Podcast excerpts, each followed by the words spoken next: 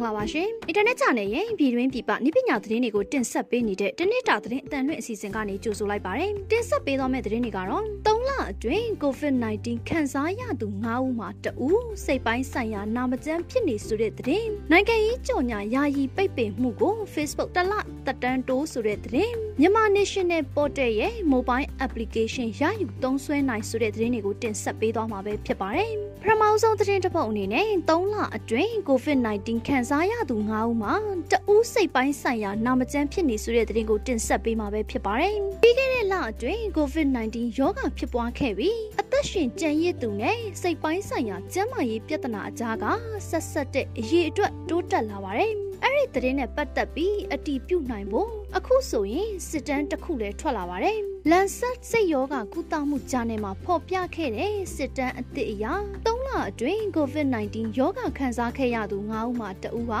စိတ်ယောဂလည်းရှိတယ်လို့သိရပါတယ်။ Oxford တက္ကသိုလ်နဲ့ NIHR Oxford ဇီဝဆေးဝါးသုတေသနစင်တာကအမေရိကန်ကလူနာတန်း80အချက်လက်ကိုကောက်ယူခဲ့ပါတယ်။ ဒါအပြင် COVID-19 ဖြစ်ပွားပေမဲ့ဆေးရုံတက်စရာမလိုတဲ့2020ဇန်နဝါရီလ20ရက်ကနေဧပြီလ1ရက်အတွင်းယောဂဖြစ်ပွားခဲ့သူ62,354အချက်အလက်ကိုလည်းရယူခဲ့ပါတယ်။စစ်တမ်းမှာတွေ့ရှိခဲ့ရတာက COVID-19 ဖြစ်ပွားအပြီး14ရက်ကနေရက်90အတွင်းစိတ်ကျန်းမာရေးပြဿနာရှိသူ18ရာခိုင်နှုန်းရှိခဲ့ပါတယ်။စိတ်ပိုင်းဆိုင်ရာတက်ကြွလွန်မှုဘိုင်ပိုလာစိတ်ကြယောဂဒါမှမဟုတ် schizophrenia စိတ်ကျန်းမာရေးအစောပိုင်းလက္ခဏာရှိသူ65ရာခိုင်နှုန်းအထိရှိနိုင်ပါတယ်။ဆက်လက်ပြီးနိုင်ငံရေးကြော်ညာယာယီပိတ်ပင်မှုကို Facebook တလတက်တန်းတိုးဆိုတဲ့သတင်းကိုတင်ဆက်ပေးမှာပဲဖြစ်ပါတယ်။ American ရွေးကောက်ပွဲပြီးသွားပေမဲ့ Facebook ကတော့နိုင်ငံရေးကြော်ညာနဲ့လူမှုရေးပြဿနာကြော်ညာတွေကိုယာယီပိတ်ပင်ထားပါသေးတယ်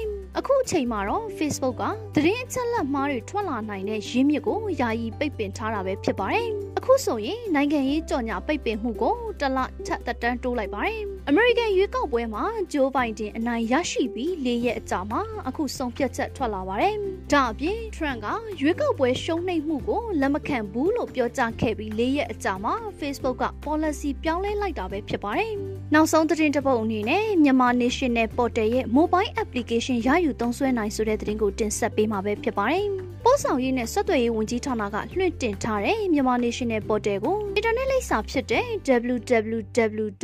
www.moyanmar.gov.mn ကနေကြည့်ရှုရုံသာမကပဲနဲ့ mobile application အနေနဲ့ iOS နဲ့ Android OS သုံး smartphone များ tablet များမှာအသုံးပြုနိုင်ပြီဖြစ်ကြောင်းသိရပါတယ်။အရင်ကပို့ဆောင်ရေးနဲ့ဆက်သွယ်ရေးဝန်ကြီးဌာနအနေနဲ့မြန်မာနိုင်ငံရဲ့ e-government လုပ်ငန်းများဖွံ့ဖြိုးတိုးတက်လာစေရေးကိုရည်ရွယ်ပြီးတော့အစိုးရအဖွဲ့အစည်းများရဲ့ဝန်ဆောင်မှုများတင်တာများသတင်းအချက်အလက်တွေကိုပြည်သူလူထုမှတနေရာထဲတွင်လွယ်ကူစွာရယူအသုံးပြုနိုင်ရန်အတွက်မြန်မာ National Portal အားလွှင့်တင်ထားပြီးဖြစ်ရာယခုအခါမှာမြန်မာနိုင်ငံတွင် Mobile Phone သုံးစွဲသူများပုံမများပြားလာတဲ့အတွက်မြန်မာ National Portal အား Mobile Phone များကနေလွယ်ကူလျင်မြန်စွာအသုံးပြုသွားနိုင်ရန်ရည်ရွယ်ပြီးတော့မြန်မာ National Portal အမည်ရှိ Mobile Application ကို Android နဲ့ iOS version နှစ်မျိုးဖြင့်ထုတ်လုပ်ဖြန့်ချိပေးလိုက်ပြီလို့သိရပါတယ်။ Mobile application ကိုအသုံးပြုပြီးတော့မြန်မာ National Portal မှာအစိုးရအဖွဲ့အစည်းများရဲ့သတင်းအချက်အလက်တွေကိုရှာဖွေရယူကြည့်ရှုနိုင်တဲ့အပြင်ငွေကြေးလဲလှယ်မှုနှုန်းထားများ နေ့စဉ်မိုးလေဝသသတင်းများ